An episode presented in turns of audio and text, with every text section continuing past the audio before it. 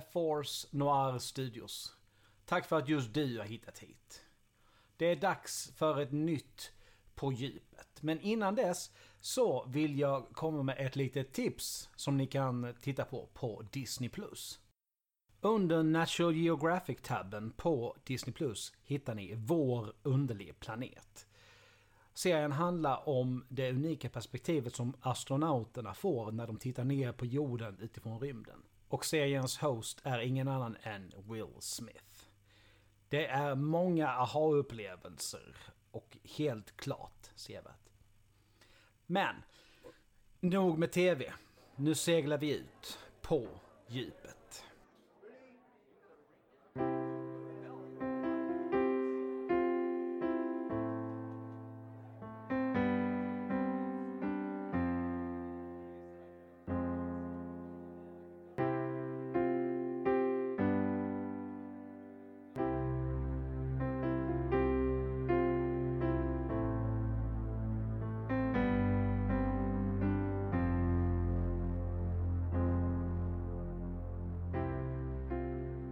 I dagens På djupet så sitter jag här för andra gången någonsin här, i den här serien faktiskt med någon som jag inte känner direkt.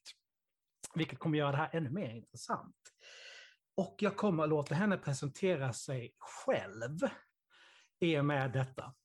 Välkommen till På djupet Petra. Tack snälla. Eh, ja, jag vet inte riktigt vad jag ska säga. Jag heter Petra. Eh, jag jobbar som personalhandläggare alltså HR-generalist kan man säga istället i, i kriminalvården. Eh, och jag eh, bor eh, i Stockholmsområdet med man och två barn, en fyraåring och en tvååring. Mm. I ett renoveringsprojekt. Mm. Mm. Och det är ju lite grann på grund av ditt jobb som gör att vi har valt ämnet vi har gjort idag. Ja. Vi ska prata om våld i samhället. Och som jag sa precis innan vi började här nu, för att vara lite duktig, så har jag varit ute och tagit reda på lite fakta här nu eh, på BRÅ. Eh, ska, vi se, ska vi se så inte jag säger fel här nu. BRÅ är ju Brottsförebyggande rådet, bara så inte jag kallar dem något annat än vad det faktiskt är här. Men om vi då någonstans bara börjar lite lätt här. Det, om man tittar ju då på statistik från BRÅ, Brottsförebyggande rådet, så har ju Visst, våldet har ökat i samhället, men inte så pass mycket som man faktiskt kan tro. Enligt statistik här som jag hittade, mm. så om vi tittar på 2020, 124 fall av dödligt våld i Sverige. Och det är 13 fall högre än, än 2019. Mm. Vad, vad, tror du det är att vi, att vi ändå tycker verkar tycka liksom att det blir värre. För statistiken ja. säger ju att det blir inte så pass mycket värre. Egentligen. Nej, Nej det, jag har funderat mycket på det. Det är ju väldigt intressant. Eh, och jag, nu pratar jag utifrån mig själv och mina upplevelser och, och de jag känner, men, men eh, vi, jag upplever ju att rädslan ökar, alltså rädslan för att utsättas för våld eh, ökar. Eh, det finns ju många liksom, aspekter i det här också att vara kvinna i samhället så tror jag man kan vara rädd för, för andra delar än vad män kanske generellt är rädda för och vice versa. män kanske är rädda för saker som inte kvinnor är rädda för. Det definitivt. Eh, men jag tror, ja, men, men jag tror ju eh, definitivt att media eh, spelar en stor roll i, i den här debatten. Eh, och, och, just när man inte, det är inte alla som gör som du som går ut och, och, läser statistik och vad som faktiskt är sant, utan man, man tar ju till sig det som står på löpet och det som liksom sägs i kompiskretsar och, och sådär. Eh, och då är väl den generella uppfattningen att, att vi lever i ett farligt land helt plötsligt. Ja, och statistiskt sett kan vi konstatera att det gör vi egentligen inte. Vi ligger alltså egentligen världsligt till rätt bra. Om mm. vi återigen bara tittar på lite, lite fakta här nu, i och med att jag ändå har dem så vill jag gärna använda dem. Ja. Eh, som jag sa, det var bara från 2019 till 20 så är det alltså bara en ökning med 13 fall av dödligt våld i Sverige. Och med tanke på hur pass mycket befolkningen ändå växer så är det mm. faktiskt ganska lite. Mm. Du kan ju då sätta det här i Region Stockholm var det 11 fall, fler. Mm. Eh, region Öst, sex fall mer, men Region Mitt är det alltså fem mindre fall. Mm. Mm. Och dessutom så har ju då man tittat mellan 2015 till 2020 respektive 2002 2014 Mm. så har ju det här med våld fluktuerat väldigt mycket mellan då om vi tittar 2015 2020 106 till 124 fall per år. Mm. Och det är ju högre än 2002 till 2014 där det är alltså mellan 68 och 111 fall per år. Men Mm. den totala ökningen är, är ju, alltså det är inte många procent om vi tittar på det. Nej. Nej, och det är, ju, det är ju jätteskönt att höra dig säga det med, med sådana liksom, verkliga siffror. Men sen, jag vet inte om det är att man, är, eller jag är rädd för att bli dödad när jag är eh, ute i tunnelbanan, utan det är ju också liksom beroende på vad det är för våld man pratar om. Eh, och som kvinna då så, det behöver inte vara heller att jag är rädd för att bli våldtagen, utan så sent som idag när jag åkte hem från jobbet så, så var det en, eh, gissar jag, påverkad man på tunnelbanan som eh, pratade med kvinnor eh, och liksom uttryckte högt eh, att eh, de var så jävla snygga och man får inte sitta bredvid dem. Och det, det blev liksom, alltså han var en, en person där man kanske känner att det här skulle kunna bli någonting mer. Och bara Mm. den grejen att, att ofrivilligt bli eh, kontaktad offentligt, eh, där någon pratar om ens utseende och så vidare. Det kanske inte är våld, men det är en situation som skapar rädsla och där man tror att det kanske kan leda till våld.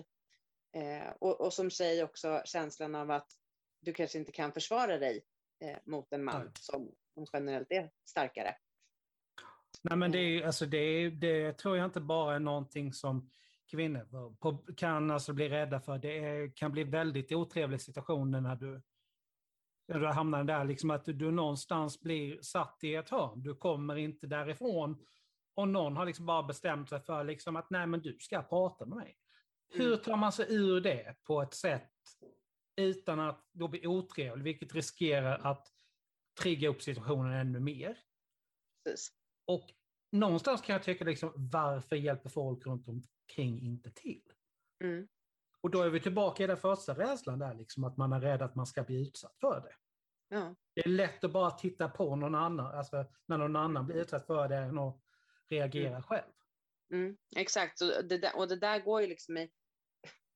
Det är så svårt. Jag, jag själv tycker att jag har mycket liksom civilkurage och min instinktiva känsla är att jag, skulle något hända så skulle jag hoppa in.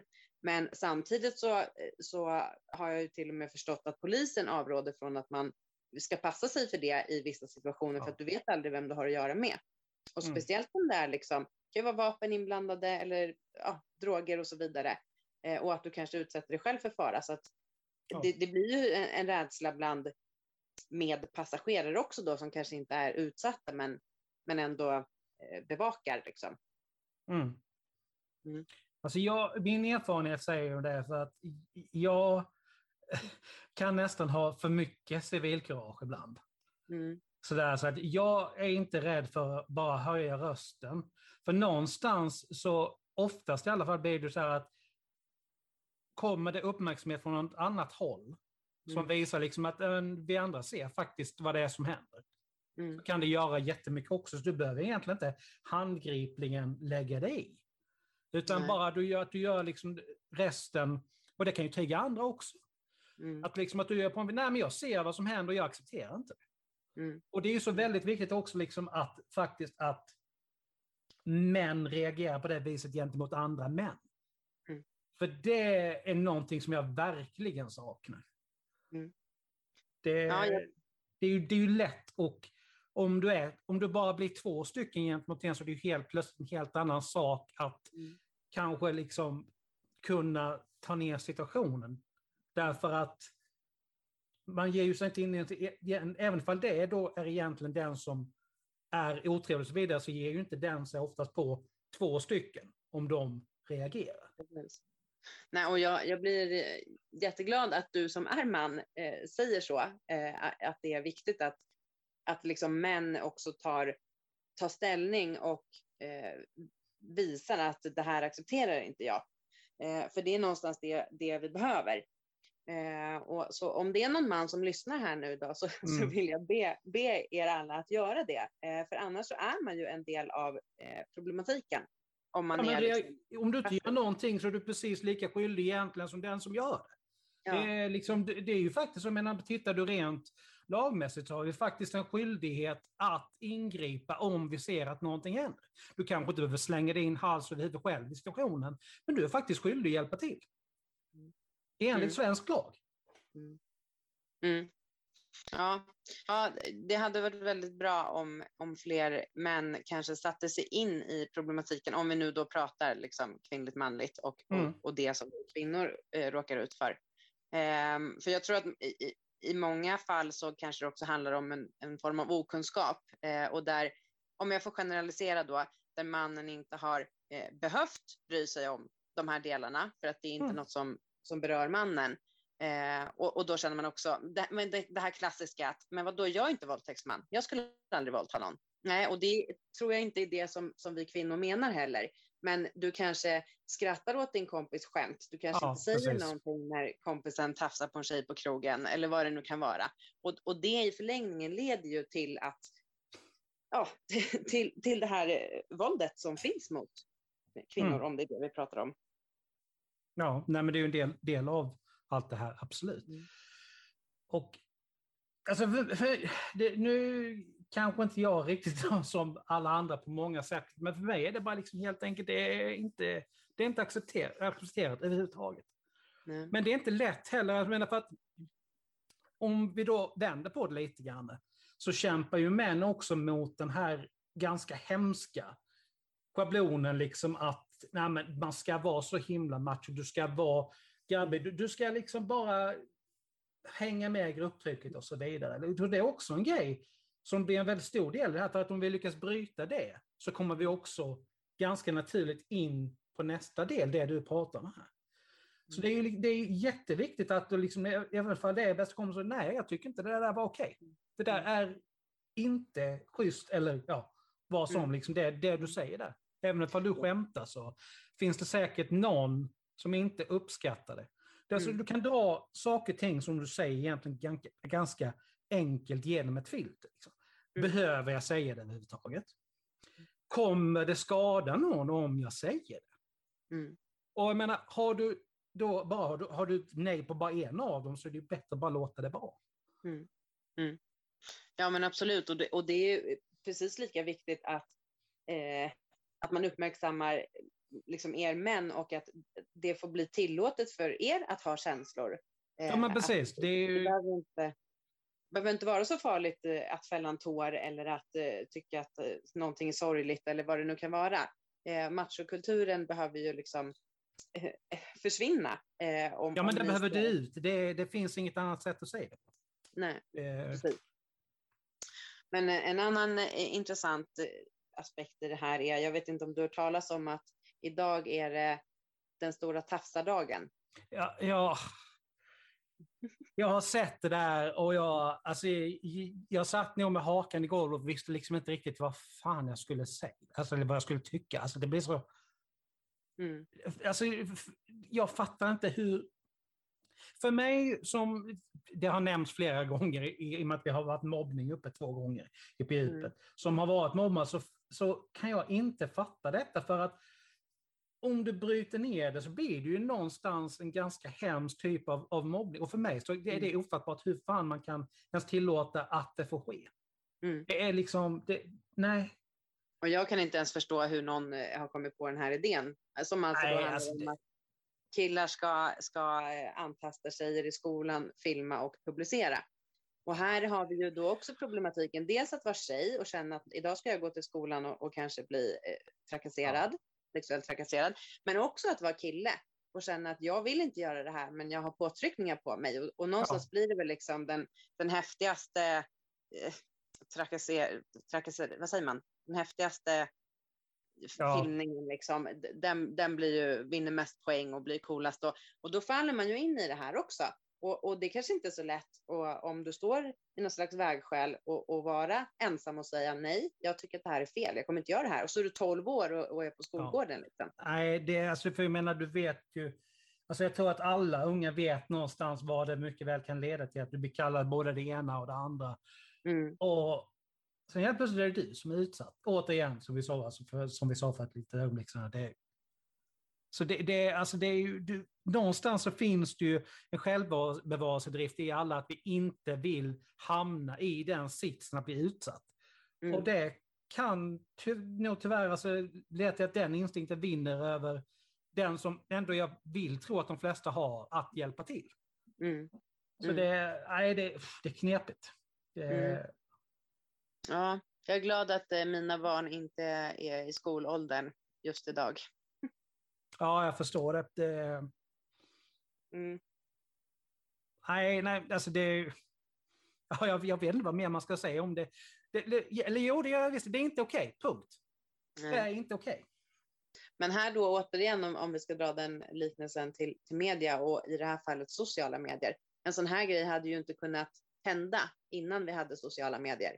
Eftersom att det, det, är så enkelt att eh, kommunicera eh, och få med sig folk eh, på, på jättekort tid. Mm. Eh, så, så det, media spelar ju en jätte, jättestor roll i, i den här problematiken som vi nu diskuterar. Ja, men alltså vissa grejer vill man ju rent spontant bara säga, liksom, varför, varför ens rapportera om det? Varför bara inte, inte ge någon, liksom någon uppmärksamhet överhuvudtaget? Mm. Ja. Det, går, det går ju också att välja att låta någonting, alltså visst, ta åtgärder, absolut, men du kan ju också välja att låta någonting självdö genom att inte göra nyhet av det. Mm. Precis. Och det är intressant just nu när du tar upp det här med sociala medier också. Jag tror att det är en stor bov i liksom, bara till varför vi tror att allting blir värre. Mm. Därför att vi får till oss nyheter så snabbt idag. Mm. Det alltså, handlar ju om, alltså, kan ju handla om minuter.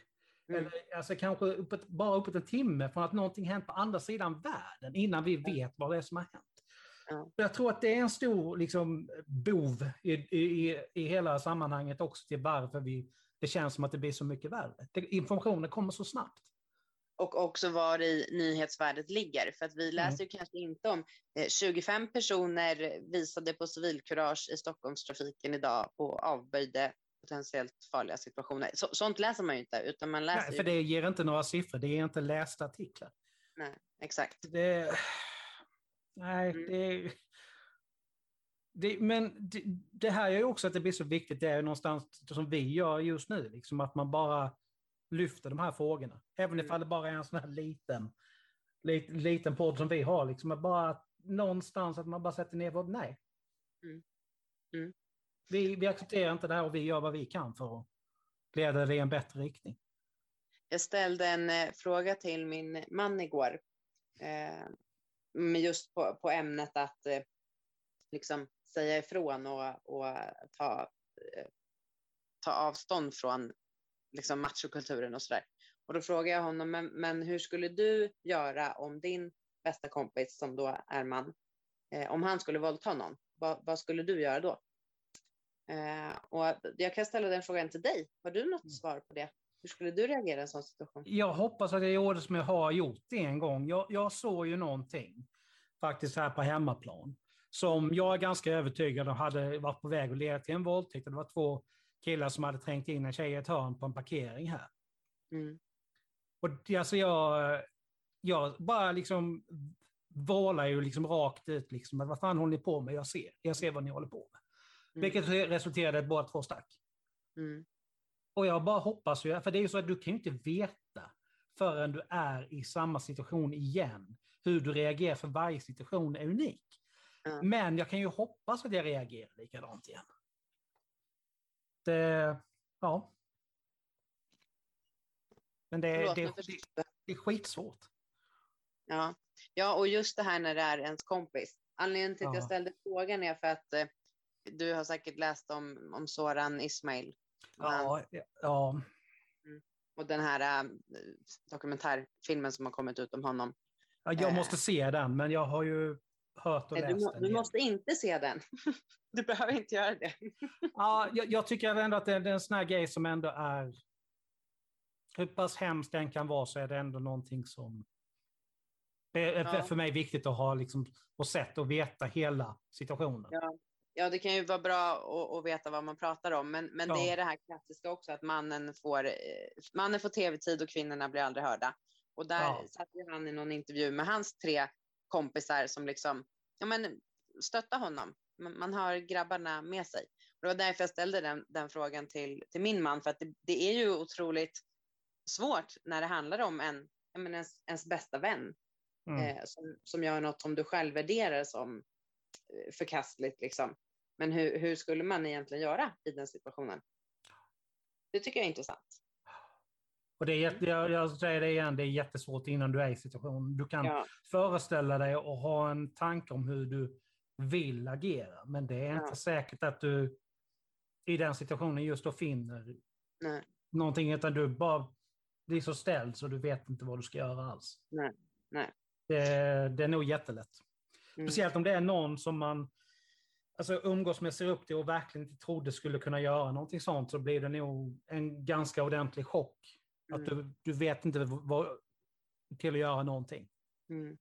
Nej, precis. Men jag skulle, jag, skulle ju, jag skulle ju vilja att jag reagerade, liksom att sätta mig ner med personen och säga du har ett problem.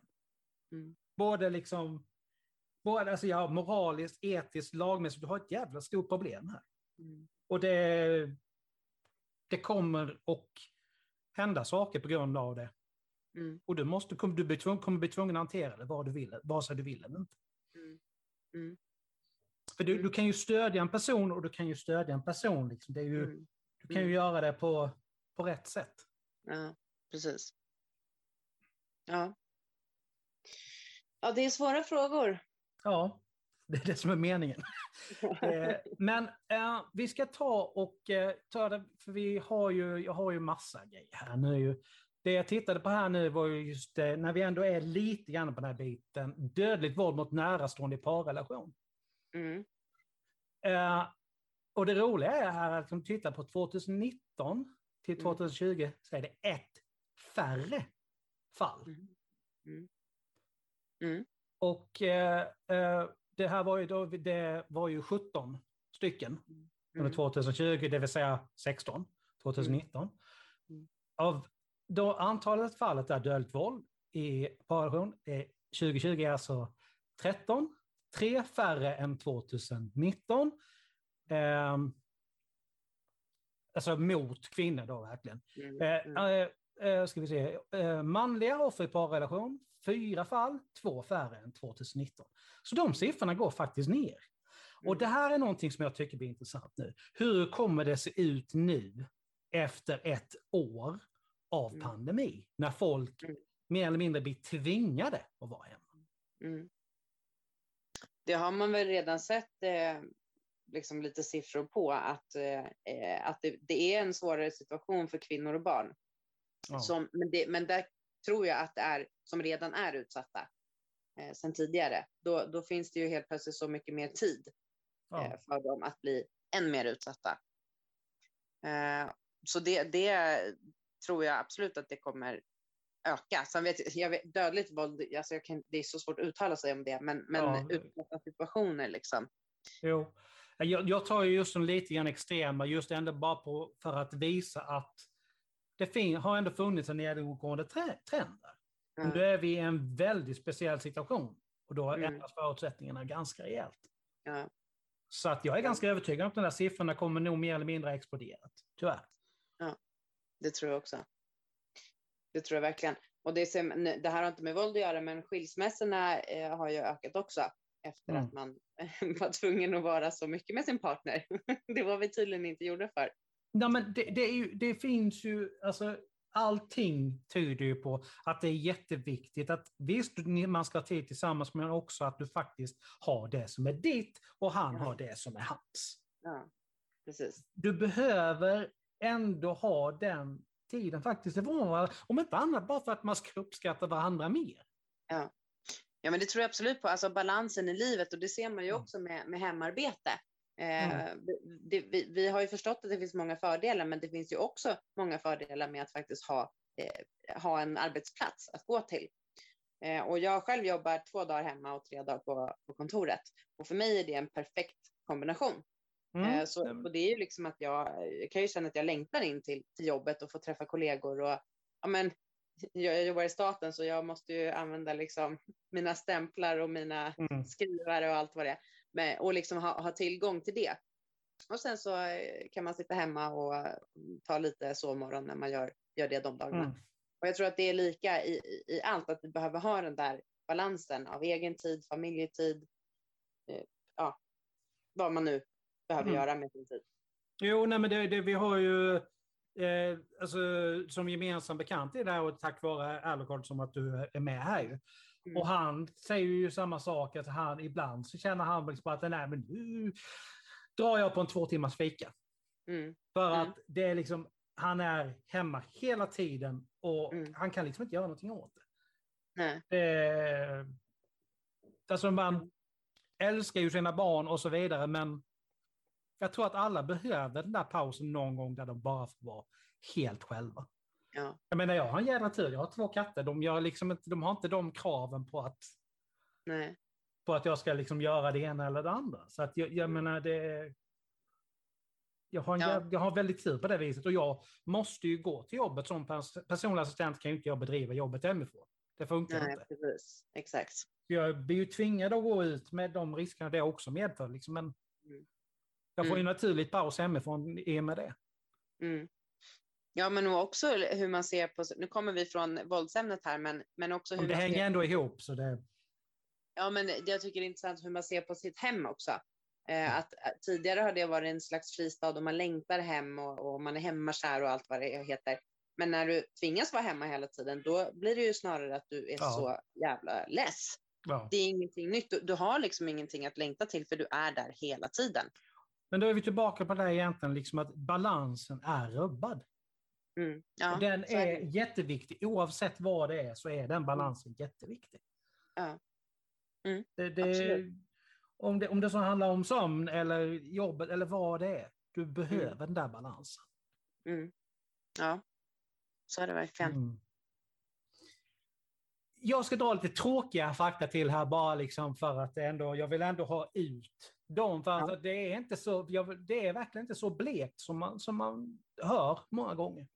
Mm. Eh, och det är, jag, jag pratar mycket om dödligt våld, men det är liksom just därför att det är det extrema Mm. och värsta. Och tittar du då här, eh, konstaterade fall av dödligt våld 2020. Eh, offret då kvinna eller flicka i, var 25 fall. Det var lika många 2019. Mm. Man eller pojke 99 fall. 13 fall fler än 2019. Mm. Och det är ju så här någonstans att män är mer våldsamma än vad kvinnor är. Generellt. Mm. Och det är ju så här, brott och allt vad det innebär, det tar ju inte en paus bara för att vi är i en pandemi. Nej. Utan jag tror nog snarare att det blir bara värre. Och därmed så är det helt plötsligt kanske mer vapen i omlopp och shit's gonna happen, tyvärr. Mm. Mm. Men jag, jag läste faktiskt en eh, någon, någon eh, DN-artikel här för några vecka sedan om att eh, en viss typ av brottslighet har minskat under pandemin. Och Mm. då är det sådana, till exempel inbrott var med. Eh, Mm. Ja, men den typen. Jag, jag, ja, men det var sådana där inbrott och liksom. Jag har faktiskt den eh, här. Den. Samtliga, samtliga anmälda brott. Ja. 2020, 1,56 miljoner brott. Det är en ökning med 18 400 brott. Det är en procents ökning från året Mm. innan. Mm. Eh, Det som, vi tar bara rakt upp och ner. Skadegörelsebrott plus 14 procent. Narkotikabrott plus 10 procent. Största ökningen, det har ju skadegörelsebrott mot alltså då stat, kommun, landsting, klotter inte inräknat. Mm.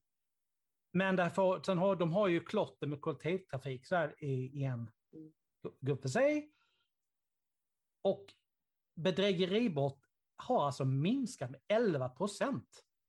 Mm. Och den största minskningen med be- bedrägeribrott är alltså då kortbedrägeri, det är minus 25 procent. Mm.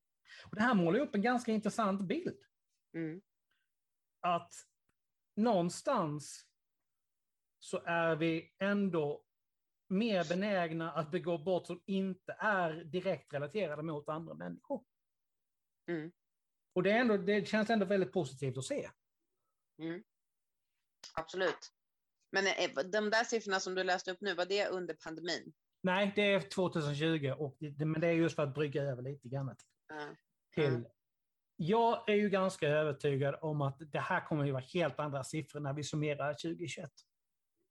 Ja, men jag är beredd att tro att det som du läste upp nu, bedrägeri och sånt, att det skulle kunna minska för att alltså om man tänker att vi har en minskad handel, vi är inte ute i butiker på samma vis och alla de där bitarna. Jag tror att det är därför också just inbrott och det har minskat. Men Mm.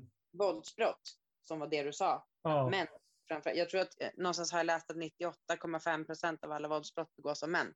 Ja. De tror jag kommer öka.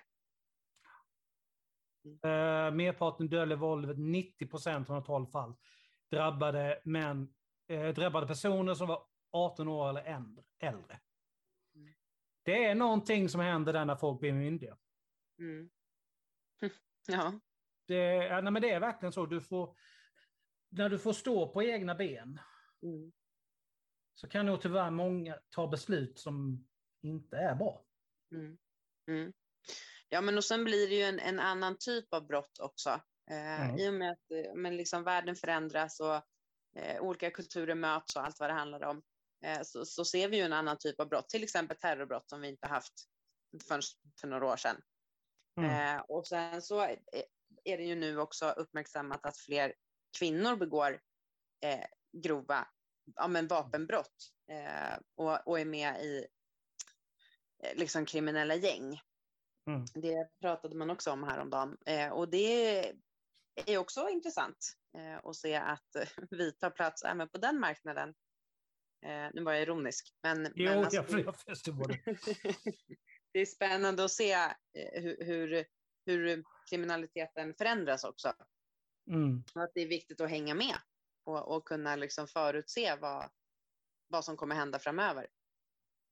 Ja, nej, men det är ju någonstans det kan jag tycka liksom så blir så svårt. Du kan ju se en trend. Men så som med så mycket annat så har ju vi människor en tendens till att vara ganska oberäkneliga och helt plötsligt gå emot trenden. Mm. Ja, att- precis. Och i det här fallet kan jag ju faktiskt bara hoppas att det blir så. Att Mm. trenden, att trenden vänder. Mm. Alltså i bo- fall de båda könen då, inte bara. Mm. Men Nej, det, det finns ändå någonstans lite grann en positiv sida i det här. Mm. Och det är att jag, jag, jag kan se att kvinnor vågar och vill ta mer plats. Ja. Och det här är väldigt positivt. Mm. Sen blir det ju negativt att det tar till sig en sån utveckling att det sker även på den brottsliga sidan. Men Mm. Ja, nej men absolut. Eh, och, och sen så följer det ju konsekvenser av det också. Det skulle jag kunna prata om i, i hundra Mm. timmar. Eh, det är ju inte helt lätt för oss att göra det. Vi möts ju av väldigt mycket motstånd. Eh, inte bara från män ska jag tillägga där. Eh, men men det, om man tänker i, i arbetslivet och, och vår väg framåt, den, den är ju kantad av väldigt många svårigheter. Eh, och vi behöver kanske slåss extra hårt för att komma någonstans ja, Och det är alltså i alla former, i, i lönesättning, i att eh, få tillsätta tjänster, i att bli eh, kallade på intervjuer. Alltså det, det är alla bitar där det eh, kan vara svårare för tjejer. Men alltså det där är ju någonting som jag aldrig kommer att begripa. Hur en person då, en man, en kvinna, de har exakt samma utbildning, exakt lika lång tid i arbetslivet, men ändå så får kvinnan mindre betalt. Mm. Hur, var fan rent ut sagt finns logiken där? Nej, det finns ingen logik. Nej, det, alltså det är... Mm. Alltså det, ja. Jag, Mm. jag får inte ihop det någonstans. Och jag, blir så, jag kan bli så jävla upprörd över det. Mm. Det, det är inte okej. Nej, nej, det är det inte. Och sen så, vi vet ju om det eh, och, och det jobbas ju på det, men i den takten som, som vi jobbar idag så skulle vi ha jämställda löner. Ja, nu kommer inte jag ihåg siffran, men alltså det, det är inte imorgon. Nej, Det, det, det är långt fram. Eh, det, så behöver, det behöver skyndas på det där ganska Ja. rejält. Det behöver, vi Ja. behöver dra upp det arbetet någonstans. Jag tror det var någon som har räknat ut det där 200-300 procent Mm, för att det ska bli en vettig takt på det. ja, precis. Men frågan är ju då hur man gör det eh, och, och betyder det att det blir obekvämare för motsatt kön? Eh, Ja, men då får det bli det. Ja, men det, Det är faktiskt min spontana reaktion. Då får det bli det. Mm. Men det är ju så här, det händer någonting när medelålders vita män som alltid har haft makt känner hur den glider mellan fingrarna. Det händer någonting där. Ja, de blir ju jätterädda. Ja, Mm. det, Mm. så är det. det Mm. Men det, det är sådana här grejer som jag tycker liksom att personer som exempelvis Linnea Claesson, det hon gör är så jävla viktigt. Mm. För hon accepterar liksom inte att folk säger att hon ska vara tyst, utan hon, hon fortsätter. Mm. Och det, Mm. det är så viktigt det hon gör någonstans, att bara det att vi förändrar hur dialogen går. Ja. Så styr vi faktiskt, börjar vi, börjar vi i alla fall styra upp skeppet i, i rätt riktning. Mm. Mm. Ja, och, och någonstans för att skapa förändring så, så krävs ju alltid de här eldsjälarna och, och Ja. de här som liksom börjar eh, och, och stötta sig med etablissemanget. Och de får ju väldigt mycket skit, men, men det krävs ju någon, någon sån start eh, Ja. för att andra ska haka på. Sen tycker jag ju att det går alldeles för långsamt eh, och att det då med den stora tafsardagen eh, går åt fel håll. det är Men, ett sånt eh, stort steg bakåt så det är inte av... Ja. ja, men det är det verkligen. Men, men jag hoppas ändå någonstans på, på kommande generationer. Ja, man måste ju få, få ha en positiv framtidstro. Jo, men det är där vi måste verkligen göra någonting, för det är ju liksom du och jag, vår Mm. generation just nu, som visar nästa generation, våra barn, hur det faktiskt borde vara. Mm. Ja, absolut. Ja, men det är intressant. Jag har ju som sagt en, en eh, son och en dotter. Så det Mm. ska bli eh, jättespännande att följa deras utveckling och eh, ja, göra så gott man kan för att och, få dem att bli bra med människor. Mm. Nej, men jag har ju, alltså min bästa vän, hans äldste pojk, har ju, alltså, jag, jag ser någonting, kan, att det kan bli någonting väldigt stort där, för att han är så pass stark i sig själv, så han Mm. har alltså vågat gå emellan äldre killar på skolan. Mm. Jag tror det var äldre, för jag, jag, har, Mm. Jag har inte fått alla detaljer, men liksom när de har både alltså varit dumma mot andra och sådär. Mm. Och jag, jag blir någonstans bara så här, yes, det är någon som... Ja, nej men alltså det, det- det, känns... det- Man blir så glad där liksom att allting som man, som man försöker, som man vill, alltså alla vill, liksom, det, det, det har hänt någonting. Mm. För det är ju så, om du tittar på, om vi bara tar en sån grej nu som främlingsfientligheten. Det Mm. har hänt något väldigt stort där, bara mellan, ja, från våra föräldrars generation till oss, och Mm. men även till nästa nu. Mm. Det har Mm. hänt någonting väldigt stort där. Mm. Och kan vi någonstans styra båten i, i det vi pratar om idag i Mm. samma riktning, Mm. wow, det, Mm. då kan vi verkligen åstadkomma någonting. Mm. Ja, men absolut. Och där tror jag en, en, en fördel också för, ja, men för våra, eh, våra barn och så. De, det ser ju annorlunda ut i deras uppväxt. När jag växte upp i min klass, då, då fanns det, ja, men då hette det liksom att det fanns en invandrare och så såg det ut i varenda klass.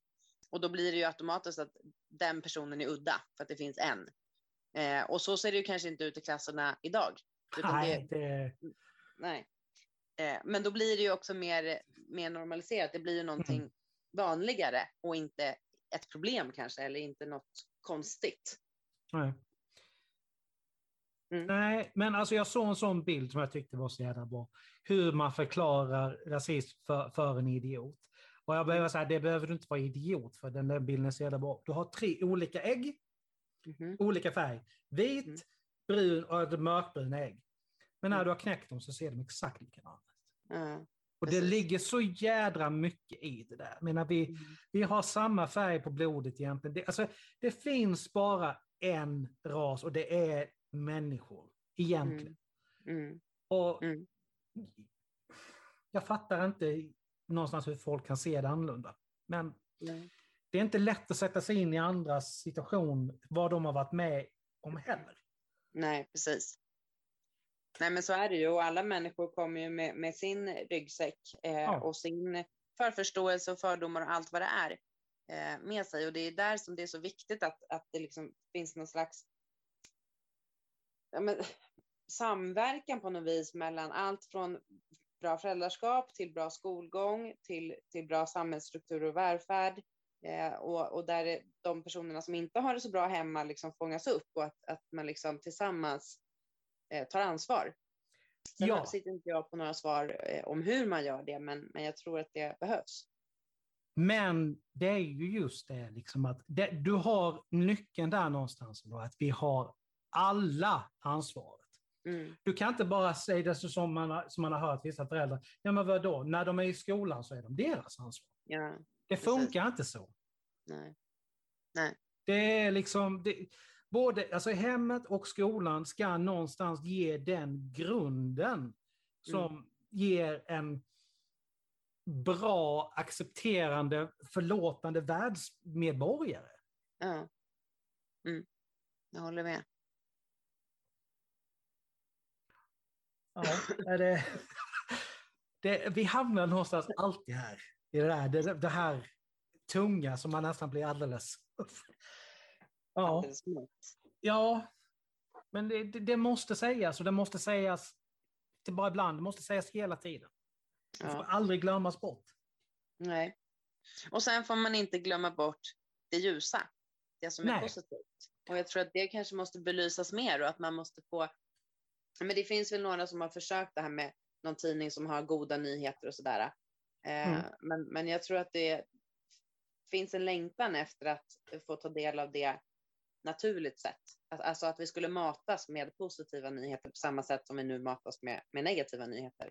Ja, men det är ju det som jag pratade om i början där, liksom, mm. att, att helt enkelt att välja att inte låta någonstans tafsadagen bli en nyhet, ja. utan kanske låta nyheten bli att det var så många som vi, alltså, som vi vet om nu som inte gjorde det här istället. Ja. Låta så. det bli nyheten. Då belyser ja. du helt plötsligt från rätt vinkel. Ja, exakt. Exakt. Ja, det där kan man också diskutera länge. Hur, eh, alltså då kommer jag att tänka på hur, hur man framställer då, ja men återigen våld mot kvinnor. Eh, och ja men så här klassiskt, eh, klassisk artikel i en tidning.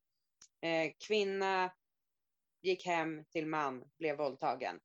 Istället för att skriva man tog med sig kvinna hem, ja. våldtog henne. Då, du, du lägger ju ansvaret hela tiden hos kvinnan. Lite så här, hon fick skylla sig själv. Ja, på det sättet du säger det har du flyttat fokus helt. Ja, precis.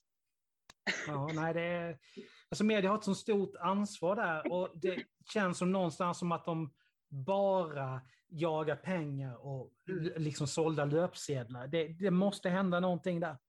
Mm. Mm. Ja. Ja, det,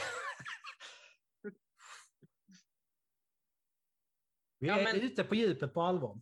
Så är det. Ja, det kan man säga. Mm. Vad, är, vad är du rädd för när du är ute bland människor? Jag är nog inte den typen som är speciellt rädd av mig egentligen, utan jag, är mer, jag blir nog mer vaksam. Mm. Så att jag hela tiden, även om jag ofta går med musik i lurarna, så har jag liksom hela tiden ögonen med mig någonstans. Mm. Mycket, mm.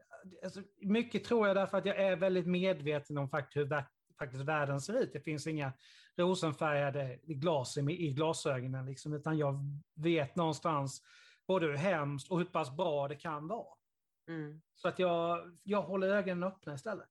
Mm. Mm. Så att det, jag, man, jag, rädsla är ju bra på det viset för att man blir försiktig, men man kan inte låta rädsla styra sitt liv heller. Nej. För då gör man helt plötsligt ingenting. Mm. Och då, då dör du själsligen. Alltså det, mm. det funkar inte. Balans, mm. återigen. Mm. mm. Ja, absolut. Eh, det har jag väl fått lära mig också från mitt jobb, eh, kriminalvården. Mm. Jag hade en tid när jag började där och eh, liksom, det, det, blev lite för mycket för mig med ja, alla, all information som jag fick och, och allt vad vi jobbar med. Eh, men, men det fick jag lära mig från alla rutinerade kriminalvårdare att det får ju ändå någonting gott med sig också. Just det här att de, de får kanske en snabbare blick eller vad man ska säga, lite som du är inne på att man är vaksam. Alltså de kan scanna mm. av eh, läget ganska snabbt och se att här, dit går jag inte utan jag går dit istället. Eh, och att de ser det som, som något positivt att man ändå får, alltså för, för skit kommer alltid finnas, så är det ju. Det kommer alltid finnas eh, skit och kriminalitet. Ja. Och har du då redskap för att undvika det så, så har du ju kommit någonstans i alla fall. Vi ska ju inte glömma det på, på liksom någonstans heller, det egna ansvaret man är i det här för att mm. har du en någonstans både vettig syn på hur verkligheten verkligen ser ut och en själv, normal självbevarelsedrift, så sätter mm. du dig själv inte i en situation där du kan råka illa ut. Sen kan ju saker och ting fortfarande hända som är utanför din kontroll, absolut. Men det är ju så här, men om vi säger de här, ta, ta män då exempelvis, som blir skjutna. Mm. De allra flesta fall har de ju satt sig i situationen faktiskt själva, där det händer. Mm. Det är ju inte någonting som händer av en slump. Man tar, det finns ju återigen olyckor som det som hände på macken här ute där jag bor. Den 14-åringen mm. som som jag fortfarande undrar, rent ut sagt, vad i helvete hon gjorde där tre på morgonen. Men mm. den frågan vågar jag inte ställa riktigt. Men i alla fall, men alltså som råkade hamna verkligen bara på fel ställe. Men jag är fortfarande så här, vad fan gjorde hon där mm. klockan tre på morgonen? Mm. Ingen, inom citationstecken, normal 14-åring är ju ute tre på natten. Nej. Nej. Nej, alltså jag, jag förstår vad du menar samtidigt som då, alltså, då, skulle, då skulle man i princip inte kunna gå på fest och dricka alkohol, för då utsätter du dig för att vara omdömeslös bland killar. Och då, då, då hamnar vi lite i det här, ja, men var det mitt fel att jag blev våldtagen då för att jag var full och hade på mig en kort klänning? Ja. Alltså det är lite sådär, man, man, man måste ju kunna få röra sig fritt i, i det här öppna samhället. Jo, absolut. Det är, det är, inte riktigt så jag menar. Nej, men jag, jag förstår vad du menar. Ja. Men, nej, men, men det, alltså, det, är en, en, hårt en balansgång. Ja, nej, men det är ju det. Alltså, det vi får ju... Du, du, har ju all, du har ju aldrig fel egentligen om du, liksom, om du blir påhoppad och så vidare. Samtidigt så måste man nog ändå ställa sig själv den frågan för sin egen skull. Varför hamnade jag där? Mm. Även ja. ifall det var den andres fel i slutändan, mm. Mm. så var du faktiskt där just då. Mm. Och varför var du det? Mm. Ja men precis, alltså, man ska nog inte vara så naiv. Utan Nej, ändå liksom... det är precis, där, där satte du bara ord på det. Det är lite grann det jag vill ha sagt. Liksom. Du, man kan inte mm. vara så naiv så att man bara tror att Nej, men det händer inte mig. Nej. Men plötsligt så gör du det. Ja, ja precis. Ja, men ha en bra bild av, eh, av mm. verkligheten. Jag tror att det där blir rätt bra avslut. Nu slutar, slutar vi ändå liksom på, på någonting bra. Ja. Så det, nej, men det har varit ett väldigt intressant eh, samtal. Tack så mycket för att du var med. Ja, tack för att jag fick vara med. Det var jätteintressant. Ja, ja. alltså det, jag har ju själv suttit på den sidan. Det, det är och herregud, mitt avsnitt är ju nästa avsnitt. det, så att det, det är alltid, det, det, är en sak att sitta och lyssna på det och sen helt plötsligt är man där själv. Det är, det, det är väldigt intressant. Ja, absolut. Mm. Men tack för ett jättetrevligt samtal. Hoppas att eh, både du och eh, ni andra som har lyssnat får en jättebra dag här fortsättningen. Nästa På djupet kommer ut om eh, en månad. Om vi inte tar sommaruppehåll. Vi, har, vi håller på att diskutera redaktionen, men ni nås av de nyheterna så fort vi har bestämt oss lite grann hur vi ska göra. Ta hand om er. Vi hoppas att ni får en underbart fortsatt vår. Så hörs vi igen i nästa avsnitt.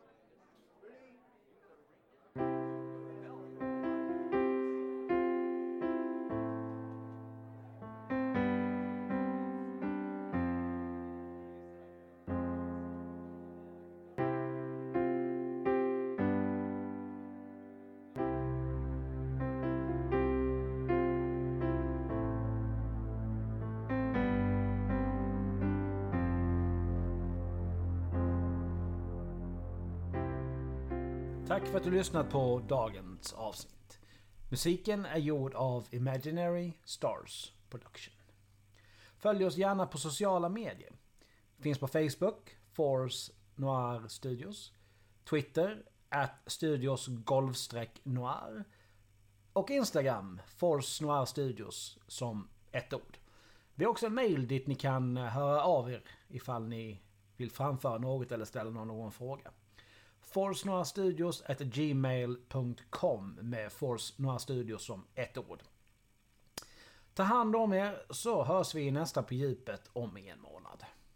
Stay tuned!